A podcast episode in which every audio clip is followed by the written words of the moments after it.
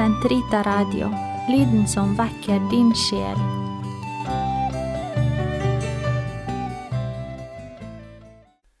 I Faderens og Sønnens og Den hellige ånds navn. Fader vår, du som er i himmelen. Hellige vorde ditt navn, komme ditt rike. Skje din vilje som i himmelen så på jorden. Gi oss i dag vårt daglige brev, og forlat oss vår skyld, som vi òg forlater våre skyldnere. Og led oss ikke inn i fristelse, men fri oss fra det onde. Hilde Maria full av nåde, Herren er med deg. Velsignet er du blant kvinner, og velsignet er ditt livsfrukt, Jesus. Hellige Maria, Guds mor, be for oss syndere, nå og i vår dødstime. Amen. I Faderens og Sønnens og Den hellige ånds navn. Jeg er blitt bedt om å innlede en ny serie her på Santa Rita Radio ved å lese opp ifra Den katolske kirkes katekisme. En katekisme er en oversikt over hva Kirken tror. Den katolske katekisme som ble utgitt i 1992, på norsk i 1994, er en skikkelig murstein av en bok. Det vil ta år og dag for å komme seg gjennom denne, denne boken. Men i 2005 ble det promulgert en, et kompendium til Den katolske kirkes katekisme.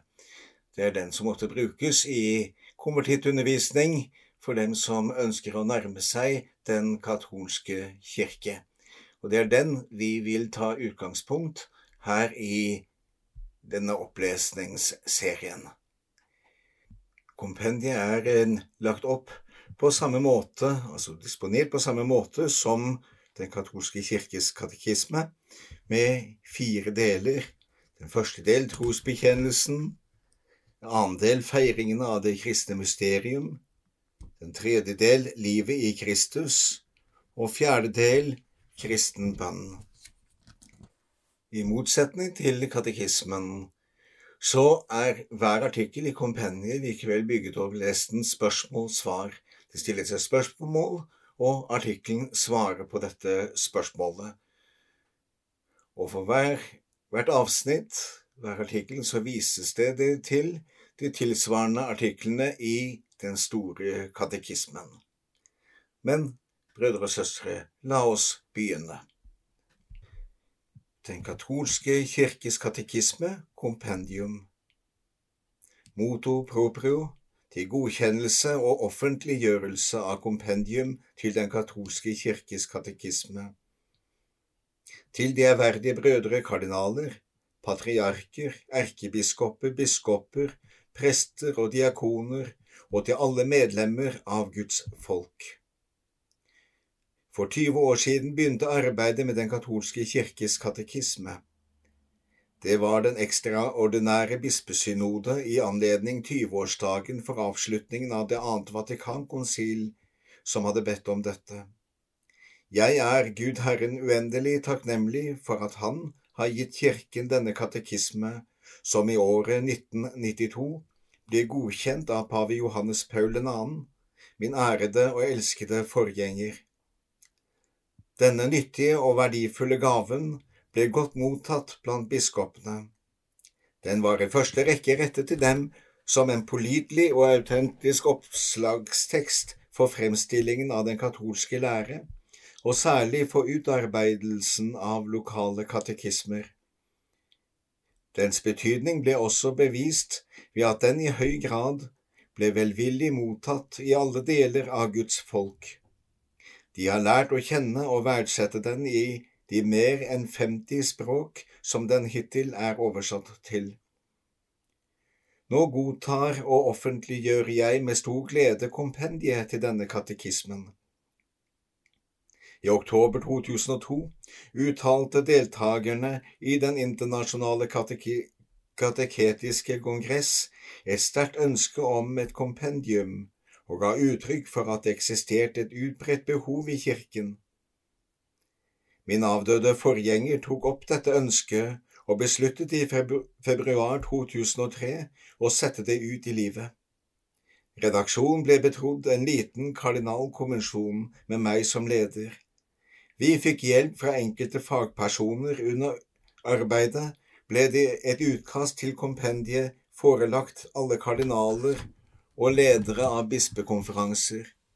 Det store flertall av dem aksepterte det og vurderte det positivt. Kompendiet som jeg nå forelegger for hele kirken, er en tro og pålitelig sammenfatning av Den katolske kirkes katekisme. Det inneholder i knapp form alle vesentlige og grunnleggende elementer i kirkens tro, og utgjør, slik min forgjenger ønsket det, en slags vademekum som gjør det mulig for menneskene, enten de er troende eller ikke, å få et konkret overblikk over hele den katolske tro. Kompendiet gjenspeiler i sin oppbygging, i sitt innhold og sitt språk den katolske kirkes katekisme. Som en sammenfatning av denne tilbyr den hjelp og impulser til fordypelse og til å gjøre katekismen enda mer kjent. Jeg betror derfor fortrøstningsfullt dette kompendiet til hele kirken og til hver enkelt kristen, for at de i dette tredje årtusen med ny stimulans kan gå inn for evangelisering og oppdragelse i troen. Denne fornyede innsatsen må prege hvert kirkelig fellesskap og enhver kristen i enhver alder og i ethvert folk. På grunn av sin korthet, klarhet og fullstendighet retter dette kompendiet seg også mot alle mennesker som midt i en mangfoldig verden med mange budskap ønsker å lære livets vei å kjenne, den sannhet som Gud har betrodd sin Sønns kirke. Må enhver ved lesning av denne autorative tekst, ved Marias, Kristi og Kirkens hellige mors særlige forbønn, stadig mer erkjenne og ta imot denne uforlignelige gaves uuttømmelige skjønnhet, innhold og aktualitet. Gud har gitt menneskeheten sin eneste sønn, Jesus Kristus, som er veien, sannheten og livet.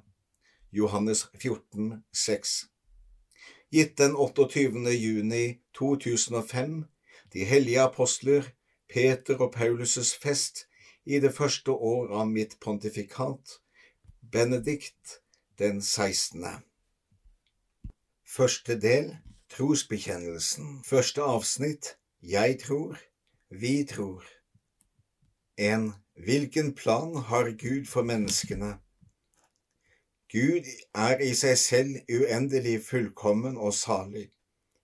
I en plan han fattet ut fra ren godhet, skapte han av egen fri vilje mennesket for at det kunne ha del i hans salige liv.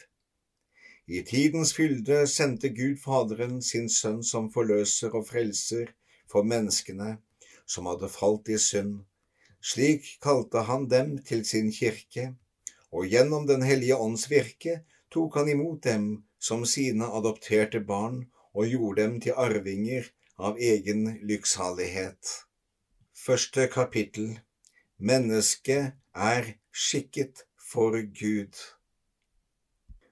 Veldig er du, Herre, og verdig til å lovprises, vi er skapt for deg, Gud, og urolig er vårt hjerte inntil det hviler i deg, den hellige Augustin. Hvorfor er en lengsel etter Gud nedlagt i mennesket? Gud selv som har skapt mennesket i sitt bilde, har skrevet inn i dets hjerte en lengsel etter å se ham. Selv om denne lengselen ofte blir misaktet, slutter ikke Gud å trekke mennesket til seg, for bare i ham vil det leve og finne den fylde av sannhet og lykke som det uavlatelig søker. Av natur og kall er mennesket derfor religiøst vesen skikket til å tre inn i et fellesskap med Gud. Denne intime og levende forbindelsen med Gud tildeler mennesket dets grunnleggende verdighet. Hvordan er det mulig å erkjenne Gud ved fornuftens lys alene? Med utgangspunkt i skaperverket, det vil si verden og den menneskelige person, kan mennesket gjennom fornuften alene med visshet erkjenne Gud som universets opprinnelse og fullendelse, som det høyeste gode og som sannhet og uendelig skjønnhet. 4. Er fornuftens lys alene tilstrekkelig til å erkjenne Guds mysterium? På veien mot erkjennelsen av Gud ved fornuftens lys alene støter mennesket på mange vanskeligheter. Faktisk kan de ikke på eget initiativ tre inn i det indre guddommelige mysterium.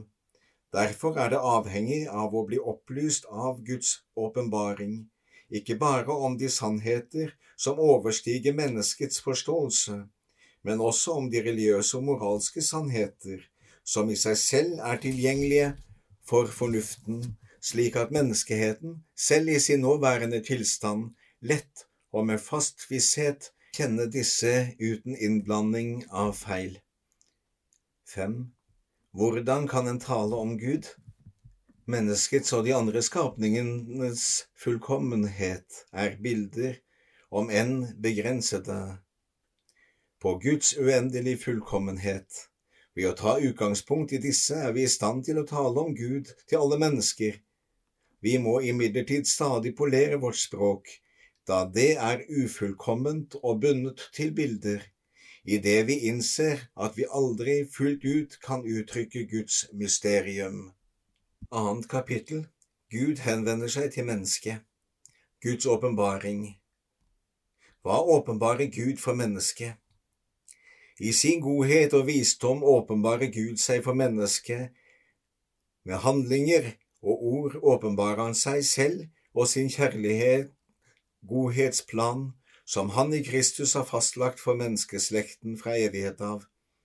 I henhold til denne planen vil Gud gi alle mennesker del i det guddommelige liv ved Den hellige ånds nåde, som adopterte barn i sin enbårne sønn.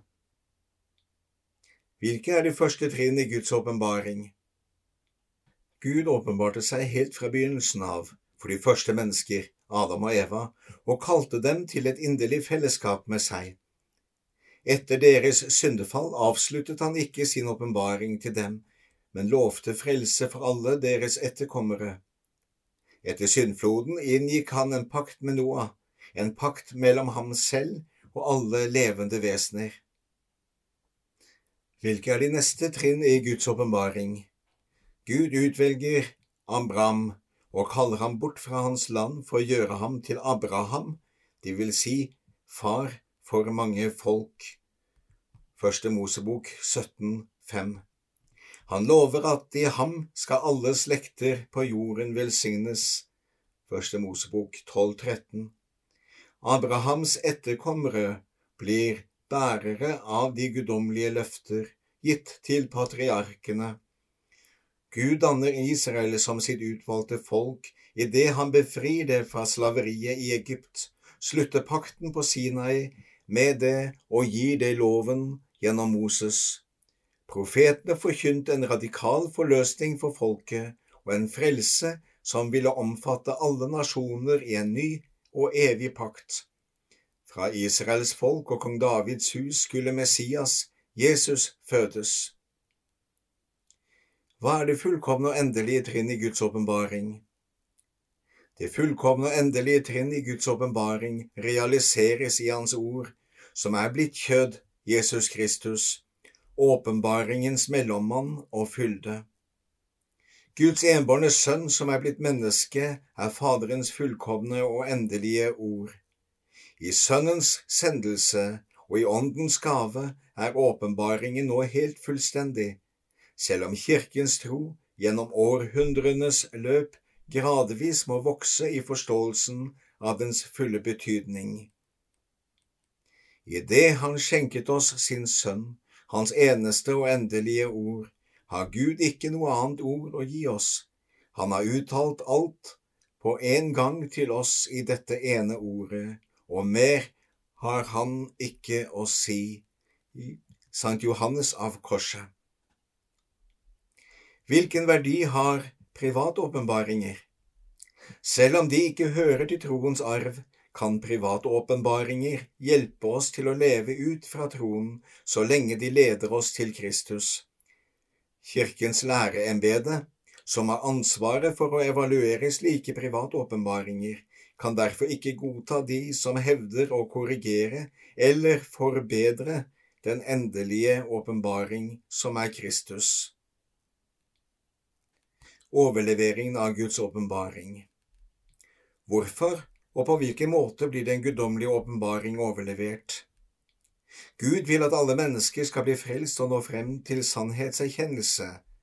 1. Timotius brev 2,4 Det vil si Jesus Kristus.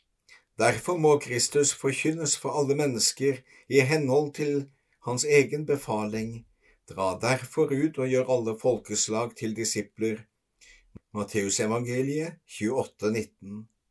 Dette realiseres gjennom apostolisk tradisjon. Hva er apostolisk tradisjon? Apostolisk tradisjon er overleveringen av Kristi budskap.